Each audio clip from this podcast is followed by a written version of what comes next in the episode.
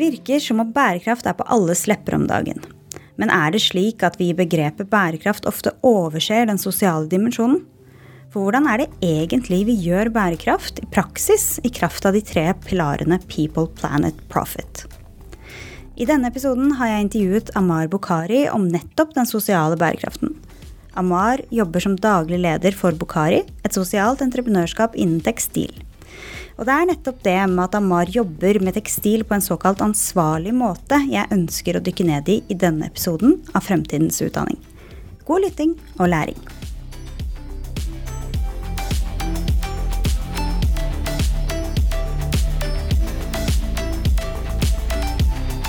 Grunnen til at jeg har invitert deg hit i dag, Amar, er fordi jeg har lyst til å snakke om sosialt bærekraft. Og den sosiale dimensjonen som vi snakket litt om før eh, podkasten startet også, er jo litt kompleks. Fordi, sånn som du sa i en e-post til meg, den eh, miljømessige, sosiale og økonomiske dimensjonen, de henger jo veldig sammen. Men veldig ofte så så separeres de og uteslukkes litt sånn fra hverandre når folk snakker om forretningsmodeller eller det å drive bærekraftig. Så helt sånn eh, innledningsvis, vil du presentere deg selv og snakke litt om eh, hvordan du kom dit du er i dag med Bukhari? Eh, veldig gjerne. takk for at jeg får være med her og snakke til dere. Det er, altså Historien vår begynte egentlig med at foreldrene mine i sin tid, på 80-tallet, Eh, satte opp en, eh, en ryefabrikk i Pakistan. En filleryefabrikk. Eh, faren min var fra Pakistan. Han forelska seg i moren min fra Lillehammer, og de flytta til Lillehammer. han fant seg ikke noe å gjøre, og etter hvert så skjønte han at han måtte starte for seg selv. han oppdaga dette produktet, filleryer, og begynte å lage det i Pakistan. Um, dette er på 80-tallet, før noen folk snakka om bærekraft og om gjenbruk osv. Jeg ofte ser tilbake på det at fillerya, den klassiske norske fillerya er jo selve definisjonen på bærekraft uh, og på gjenbruk, før folk snakka om det. Uh, dette gikk ganske bra. På midten av 90-tallet så uh, hadde de lyst til å bidra mer, så de satte opp en, en skole for de ansattes barn.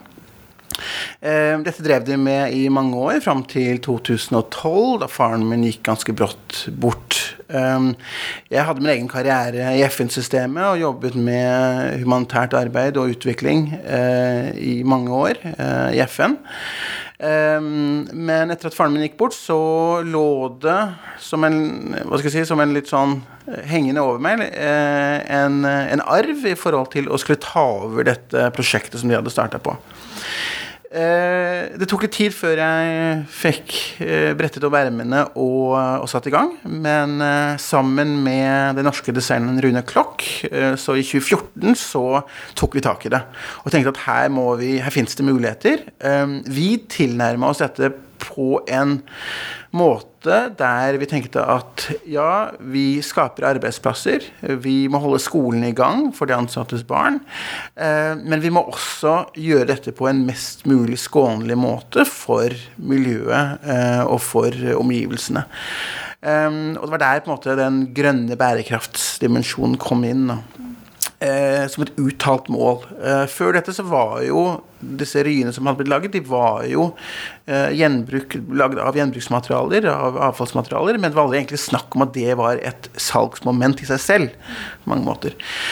Så tok det fram til 2019 før jeg turte å si opp dagjobben min og satse for fullt på dette. Men eh, det gjorde jeg altså i 2019. Um, og vi etablerte Bokhari som en, en, et selvstendig AS.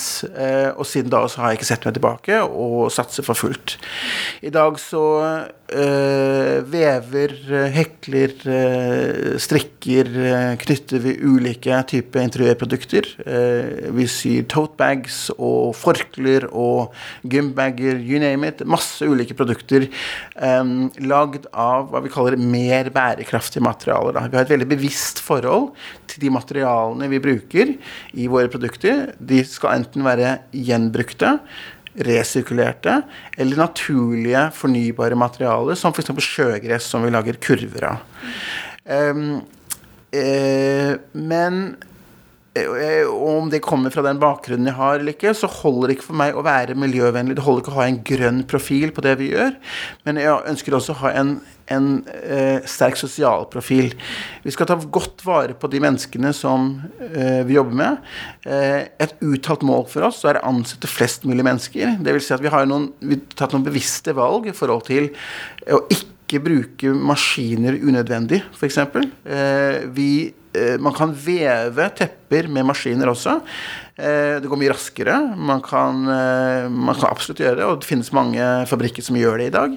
Men vi har valgt å, å bruke håndvever nettopp for å kunne ansette flere folk. Det er den, den menneskelige dimensjonen da, i, i, det arbeidet vi, vi gjør. Og så går jo skolen videre, og der tilbys alle de ansattes barn 14 års gratis skolegang. Um, og vi har, uh, vi har Voksmålene og, og, selger interiørprodukter både til uh, interiørkjeder i Norge og Sverige. Um, men har i økende grad også uh, kommet ut på markedet og, og, og, selger bærenett til ulike aktører. Både organisasjoner, museer, bedrifter, festivaler osv. Um, i, I dag ansetter vi 400 kvinner og menn. Eh, ved veveriet vårt. Eh, og det går en ca. 700 elever på skolen. Eh, så det har vokst stort, og med det også selvfølgelig ansvaret for å holde dette maskineriet i gang og kunne sikre oss at det vi gjør, gjøres på en mest mulig ansvarlig måte. Det er på en måte drivkraften i veldig mye av det vi gjør, at det skal være, vi skal være ærlige i forhold til det fotavtrykket vi etterlater oss, både på menneskene og på naturen. Eh, og vi skal være åpne, så vi skal dele informasjon om det vi gjør. Eh, og med det tror jeg også troverdigheten kommer. Eh, og det er det vi kaller det ansvarlig drift. Eh, at vi er eh, Vi tar på oss å være ansvarlige forhold til mennesker, naturen, Eh, og alle de som, som eh, affekteres av det arbeidet vi gjør. Hva vil du definere sosialt entreprenørskap som, og vil du definere Bokari som en sosial entreprenør? Sosialt entreprenørskap er jo ofte en betegnelse som brukes om de entreprenører som har en sosial dimensjon, som har et bevisst forhold til det sosiale fotavtrykket. Eh, eller går aktivt inn for å løse et sosialt problem, om det er utenforskap, om det er utenforskap i arbeidslivet, om det er eh, ungdom som faller utenfor i skolen. Og så, så lager man en forretningsmodell eh, eh, som er med på å løse den utfordringen. Ja, Bokhari er en sosial entreprenør eh, ved at vi går inn og aktivt ved bruk av forretningsmodeller eh, er med på å svare på den utfordringen at eh, barn i Pakistan ikke har skoletilbud. Eh, vi tilbyr skolegang, vi tilbyr trygt arbeid. Eh, vi tilbyr mange kvinner arbeid osv. Så, videre. så ja, vi er med på å å svare på den sosiale dimensjonen ved det. Men jeg tenker ofte at Bukhari er så mye mer enn bare et sosialt uh, initiativ. Um, og det er derfor jeg ofte, ofte refererer til oss selv som en ansvarlig uh, entreprenør. For i det så legger jeg at det er en, en sosial dimensjon, det er en, en grønn miljø-klimadimensjon. Uh, og for å holde dette maskineriet i gang, så må du også ha et bevisst og, og et ansvarlig forhold til økonomien. Um, uten det så, så, så, kan man ikke drive. Mm. Det er veldig spennende. Vil du fortelle litt mer om hvordan dere har jobbet med de tre dimensjonene? Du, du fortalte jo litt om det i stad, med tanke på hva dere gjør, og hvordan dere leverer, og hva slags tanker dere, dere, sitter med når dere utvikler produkter. Men hvis du vil ta inn den økonomiske også, fortell litt mer om hvordan dere bevisst har jobbet med de tre dimensjonene i deres forretningsmodell. Ja, vi, vi, vi, vi, pleier ofte å si at eh, det er ikke noe vi legger på etter hvert. Mm. Um, jeg, det er mange forretninger og mange bedrifter der ute som tjener penger, og så setter de av en viss prosentandel eh, til veldedig formål. Og bra er det, eh, for så vidt, og bra at de velger å bruke profitten sin på gode formål. Men for oss så handler det om hvordan vi driver forretningen. Altså når vi starter opp om morgenen, hva er de valgene vi tar fra dag én? Når vi utvikler et nytt produkt, hvilke materialer går inn i, inn i, det produktet? Hvem er det som skal lage dette produktet?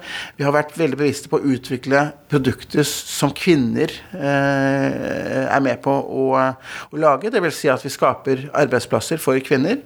Eh, vi eh, har en del arbeidsintensive produkter. Det vil si at det vil kreve en del eh, arbeidstimer å produsere det.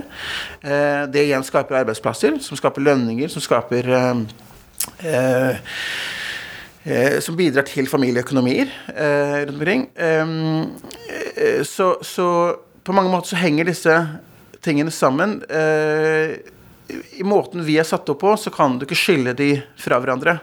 Vi kan ikke drive eh, I vår forretningsmodell så kan ikke vi drive rådrift på våre ansatte, tjene masse penger, og så føre noe av overskuddet tilbake til de. Da er ikke vi tro mot den modellen vi har satt opp, hvor vi, hvor vi, hvor vi tenker at vi skal ta vare på våre ansatte. Våre ansatte er en del av det det prosjektet vi driver. Uten dem så hadde ikke vi vært her. Og, og min rolle i alt dette her er jo egentlig bare å, å sikre at vi, at vi, holder kursen eh, framover. Eh, og ikke stopper opp og ikke går, går tilbake.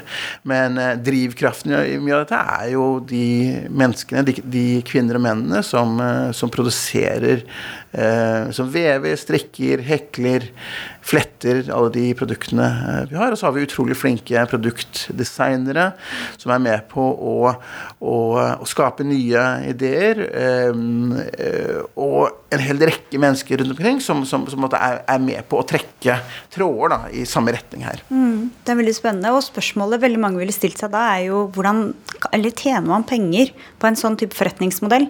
Det er det jo veldig mye snakk om nå med tanke på det med bærekraftig forretningsmodell også, at det nødvendigvis ikke alltid er like lønnsomt. Eh, hvordan vil du si at eh, deres forretningsmodell er rigga for, for, å ha en god og stødig inntekt? Jeg ville jo sagt at vi hadde ikke tjent noe penger hadde vi ikke hatt en, et bevisst forhold til, til, de faktorene som jeg har vært inne på. Um, til en sosial dimensjon, til miljødimensjon osv. Det er det som Det er hvem vi er. Det er selve DNA-et vårt. Det er um, eh, Hvis du tar bort fra vår bedrift, da, hvis du tar bort fra Bokhari den sosiale dimensjonen eller den, den miljømessige dimensjonen, så sitter vi igjen som en produsent av tekstilvarer og ville måtte konkurrere med alle andre. Hvis det eneste vi skal konkurrere på er pris, så øh, ville vi Er det en, en nedadgående spiral som øh, Og det ser man resultatet av veldig mange andre steder. At kun de store overlever, for de har stordriftsfordeler. Øh, men hvor i utgangspunktet hvor man gjør det man absolutt må i forhold til miljødimensjoner og sosiale dimensjoner, men uh, rovdriften på mennesker og på naturen er, er, er opplagt der. Um, de, det som gjør oss annerledes, sånn sett, er jo at de pengene vi eventuelt tjener eh, Og jeg sier eventuelt fordi ja, det er et mål for oss å kunne tjene penger. Og det målet har vi satt der fordi at for å kunne holde maskineriet i gang, for å kunne ansette flere folk, så må vi kunne investere i nye eh, nye ideer, vi må kunne utvide. vi må kunne, eh, Akkurat nå så jobber vi med å installere et solcelleanlegg eh, for skolen og for veveriet. Og det koster jo penger. Og for å kunne gjøre sånne grep, så må vi eh, også kunne tjene penger. Vi må kunne eh, betale lønninger til folk. Så hadde vi si, lagt bort den økonomiske dimensjonen og sagt at vi skal bare drive eh, et sosialt prosjekt, bare et veldedig prosjekt, så hadde vi vært avhengig av hva skal jeg si, veldedighet utenfra. Eh, og det er det jo noen som gjør, men, men da er det vanskelig å skalere opp. Og for å kunne skalere opp så trenger vi eh, muskler, økonomiske muskler også. Vi trenger, eh, trenger eh, finansielle midler. Og de, istedenfor å være avhengig av at andre skal gi de til oss, basert på eh, goodwill, så tenker vi at det skal vi generere selv, basert på vår egen produksjon. Altså, når folk tar lønna si hjem eh, fra veveriet vårt, så er det fordi de fortjener det. Fordi de har lagt inn et hardt dags arbeid. Og da føler jeg at de fortjener den lønna den dagen. De får det ikke fordi vi vil være snille med dem, de får det fordi de, de har arbeidet den dagen. Um, og vi har tro på at produktene våre skal kunne stå i sentrum. Produktene skal kunne være overbevisende og skal konkurrere med andre produkter fra andre leverandører. I kvalitet, i design. Uh, I tillegg så har vi en story, og i tillegg så kan man Den tåler å bli sett med lupe. Altså, du, du, du, kan se bak produktet eh, uten å bli overraska over å oppdage at det er eh, negative enten eh, snarveier tatt i forhold til eh, materialbruk eller, eh, eller rovdrift på ansatte osv. Og, så og der tror jeg Hva skal jeg si ikke at vi er så forskjellige fra alle andre, men, men, der er vi veldig bevisste da, på å være tydelige i forhold til det. Og, og, og vi, vi, eh, vi, mener at det er en forretningsmodell som må opp og fram også. Folk må få vite om den, om den biten. Det er veldig spennende. Men eh, mitt eh, inntrykk er at veldig få driver forretningsmodeller med de tre dimensjonene ivaretatt. Har du noen tanker rundt hvorfor du tror det er på den måten? Jeg tror veldig mange etablerte bedrifter i dag og virksomheter eh, har jo hoppet på hva skal vi si, bærekraftstoget mens bærekraftstoget har vært underveis. Mm. Og da er det kanskje Det som har vært mest opplagt der, er jo eh, det grønne skiftet og, og miljø- og klimatiltak. Mm. Um, fullt forståelig og, og, bra at folk har tatt tak i det. Og så har jo vi altså, Hvis vi ser på norske bedrifter som har hatt produksjon i Norge, som har vært ansatt i Norge, har jo vært, eh, takket være mye arbeid eh, som er lagt ned av fagbevegelsen opp gjennom tiden osv., har jo hatt relativt gode sosiale eh, rammer for sine ansatte. Mm. Um, og der tenker jeg at eh, så, så sånn sett så altså De bedriftene som har fabrikker eller produksjon i Norge, eh, at de tar inn over seg den, den, den, den miljømessige dimensjonen. Mm. Eh, da, har man, si, da har man kanskje det kan man tikke da, på, på flere områder. Eh, utfordringen her er jo når man jobber med leverandører i andre land, hvor de sosiale rammene ikke nødvendigvis er så sterke, og, de, og arbeidsrettighetene til ansatte ikke er så, så, så bra. Og hvor det offentlige kanskje ikke har det samme velferdstilbudene, mm. gratis skolegang, helsestell osv. Um, eh, og at man kjøper da billige produkter fra andre land, fordi, og, og, og, det er billig nettopp fordi at ikke, at ikke statene da, i disse landene, mm. eller, eller fabrikkeierne, betaler skatter osv. Um, ehm, da kommer det til kort. Og det er der vi tenker at her må det en bevisstgjøring blant, uh, blant bedrifter, og også blant forbrukere, i mm. forhold til Um, hvis du kjøper ei T-skjorte som koster 20 kroner, koster 50 kroner, mm. så er det et eller annet som ikke stemmer underveis. Mm. Og, og, at folk eh, Ja, det er et godt tilbud, men det bør skurre litt rann, når man ser noe som er litt for godt til å være sant. Mm. Det er som oftest for godt til å være sant også. Ja. Um, og Derfor så, så, sier vi ofte ja, vi skal være konkurransedyktige på pris, mm. men vi skal ikke være den som tilbyr de laveste prisene. Mm. For det kommer med en kostnad, og den kostnaden er ikke vi villige til å ta. og den, mm. den kostnaden går ikke utover bedriftseiere. Mm. Den kostnaden går utover de ansatte ofte. Og det går utover ofte miljøet. Eh, mm. man tar snarveier i forhold til kjemikaliebruk osv. Mm. Ja, absolutt. Og så er det med på å opprettholde skjevheter i samfunnet også, og i verden for øvrig. Og det også er jo noe som ligger i den sosiale dimensjonen. Det er her å jevne ut forskjeller, og er en del interaktiv del av bærekraftsmålene også. Eh, det er veldig mange studenter som hører på denne podkasten, og de er ofte tilknyttet et studie enten innenfor bærekraft eller drift. Eh, og mitt spørsmål da går på det her med at du har jo et ganske naturlig forhold til både Eller et, ja, et naturlig forhold til både Pakistan, men også med fabrikk fra historien til faren din. Men hvis eh, noen av studentene skulle vært litt nysgjerrig på å snuse litt på bærekraftige forretningsmodeller som også har den sosiale dimensjonen, hvor burde de starte da?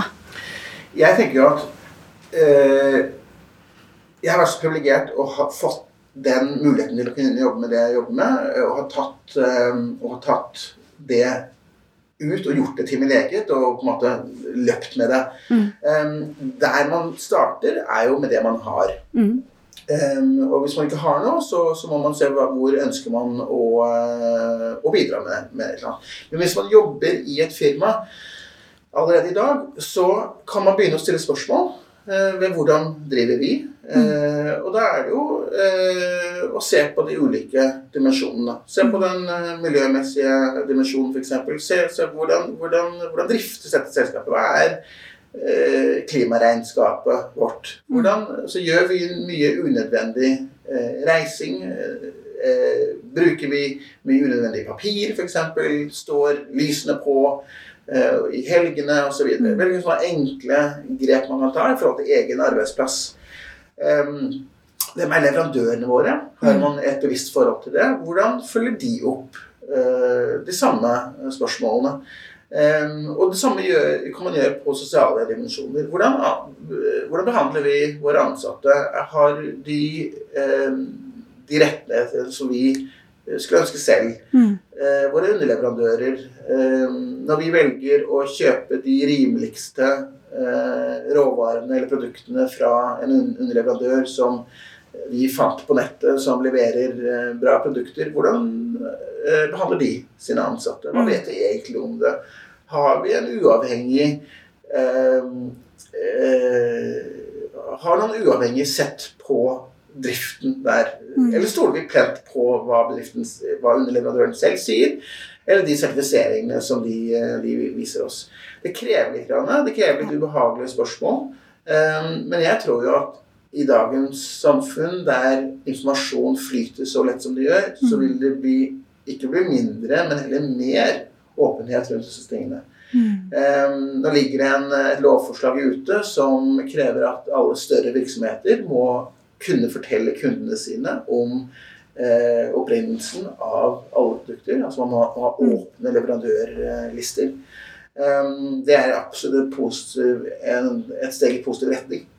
Mm. Og jeg tror at eh, som en enkeltperson så kan man, kan man, begynne å stille disse spørsmålene. Sitter mm. man i en ledergruppe, sitter man med innflytelse i forhold til beslutninger, så kan man også være med og stille de spørsmålene i forhold til det. Når man ser når man skal utvikle nye eh, leverandøravtaler osv. Og, så og sette inn punkter rundt, eh, rundt bærekraft. Mm. Og så vil jeg anbefale å, å tenke tenk bærekraft i et, i et, større perspektiv. Ikke bare eh, miljø. Miljø er kjempeviktig. Mm. Men tenk det også i forhold til hvordan man, man, eh, man behandler uh, sine ansatte. Mm, ikke sant? Og hvem ansatte man har også. Litt sånn, Den debatten som går veldig mye i Norge nå, eh, da er vi litt inne på mangfold, da, som vi snakket om litt i stad. Det er her med hvem er det man ansetter, hvorfor ansetter man sånn som man gjør? Har man en åpen og inkluderende søknadstekst liggende ute? Hvordan rekrutterer man? Hvordan legger man til rette for et inkluderende miljø.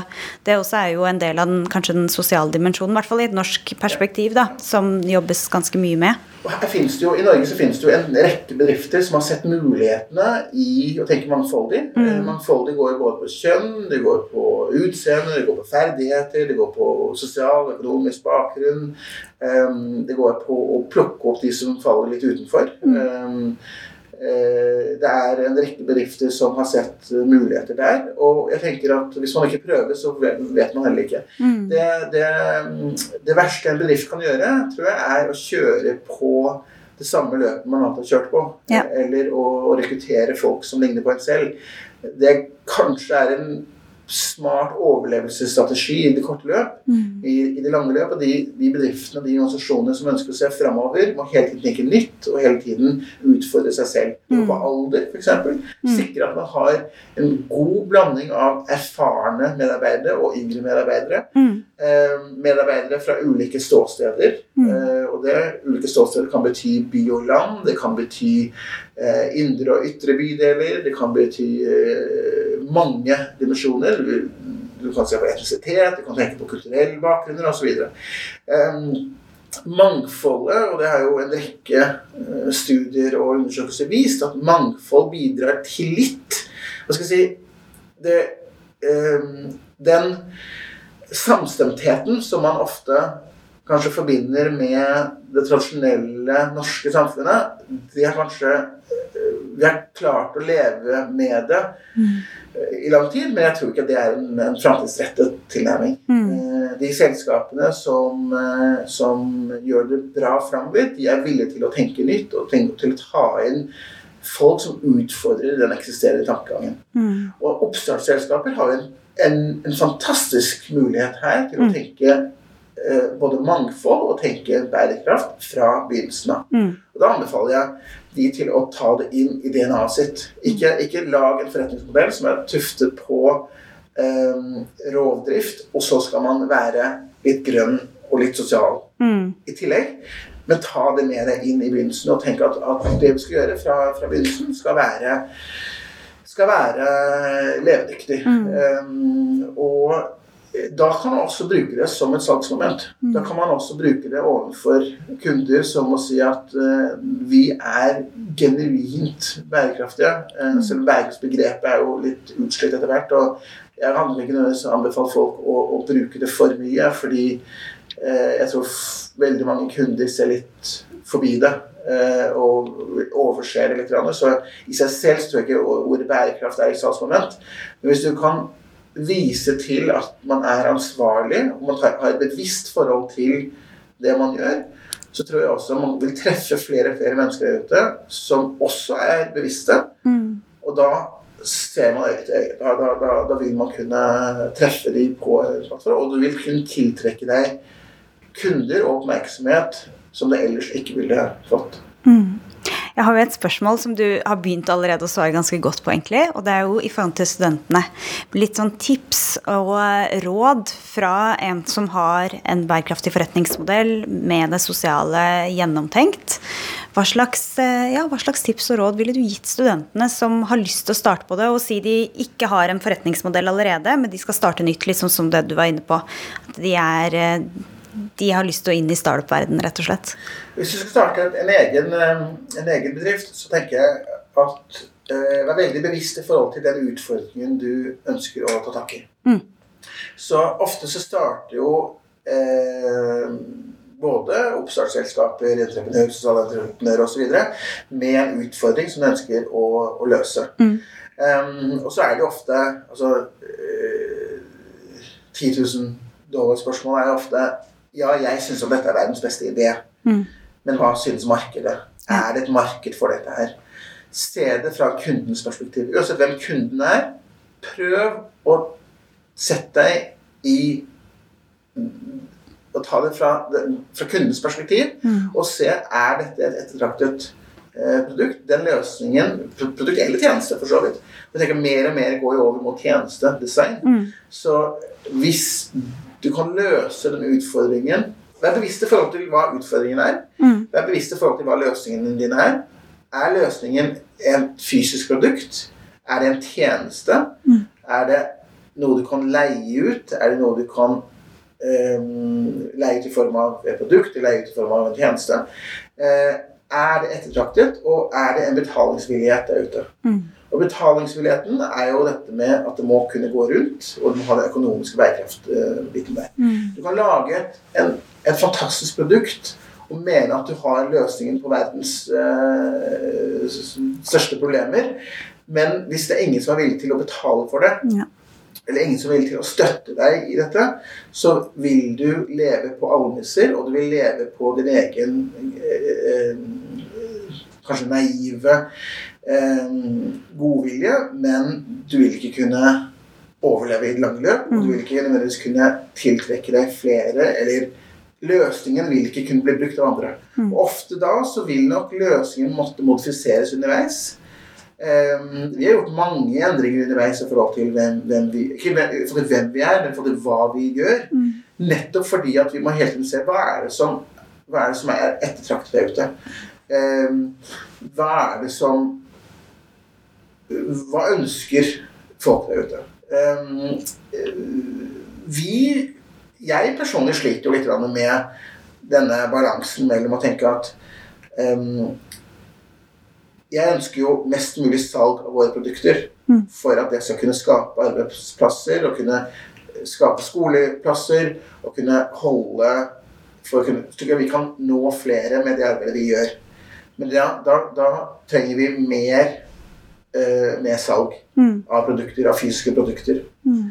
Ehm, og det er en utfordring i forhold til å tenke at forbruk er løsningen på problemet. Mm. Så vi tenker jo også at ja, det er en utfordring, men samtidig så, så tenker vi at hvis folk skal kjøpe tekstilprodukter, hvis de skal kjøpe totebags, velg da en, en produsent eller leverandør som har et bevisst forhold, som faktisk gjør, gjør noe positivt ut av det.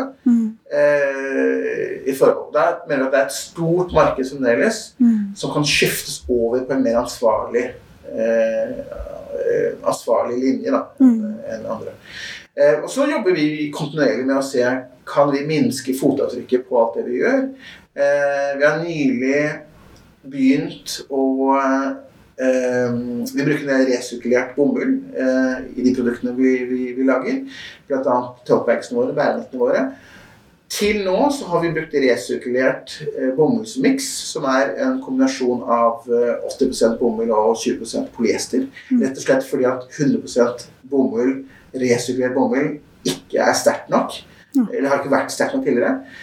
Nylig så har det kommet på markedet nå eh, det som er 100 resirkulert bomull, som er sterkt nok. er har man klart med nyvinning og med innovasjon man har klart å lage det.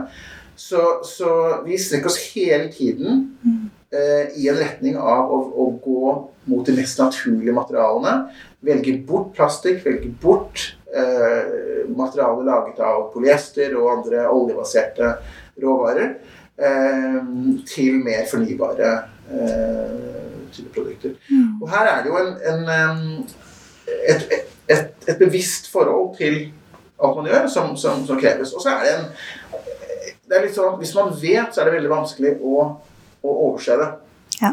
Så øh, hvis man våkner opp om morgenen og har en visshet om at man gjør noe, og man kunne forbedre det, og har man, man har et ønske om å forbedre det, så er det veldig vanskelig å da, snu ryggen til og, og ikke gjøre det. Mm. Um, så hjertet må nok også være med, uh, men det jeg oppdaget de siste årene, er jo at du må ha en, du må ha en klar forretningsmodell til grunn for det du gjør også. Det holder ikke med, med stort hjerte. Du må også ha eh, litt tall og litt, gjerne litt Excel-ark også inn i, inn i bildet der. Men dette funker. Dette, det er det som kanskje overrasker meg mest her. Det går an å være eh, bevisst i forhold til bærekraftsansvaret ditt. Mm.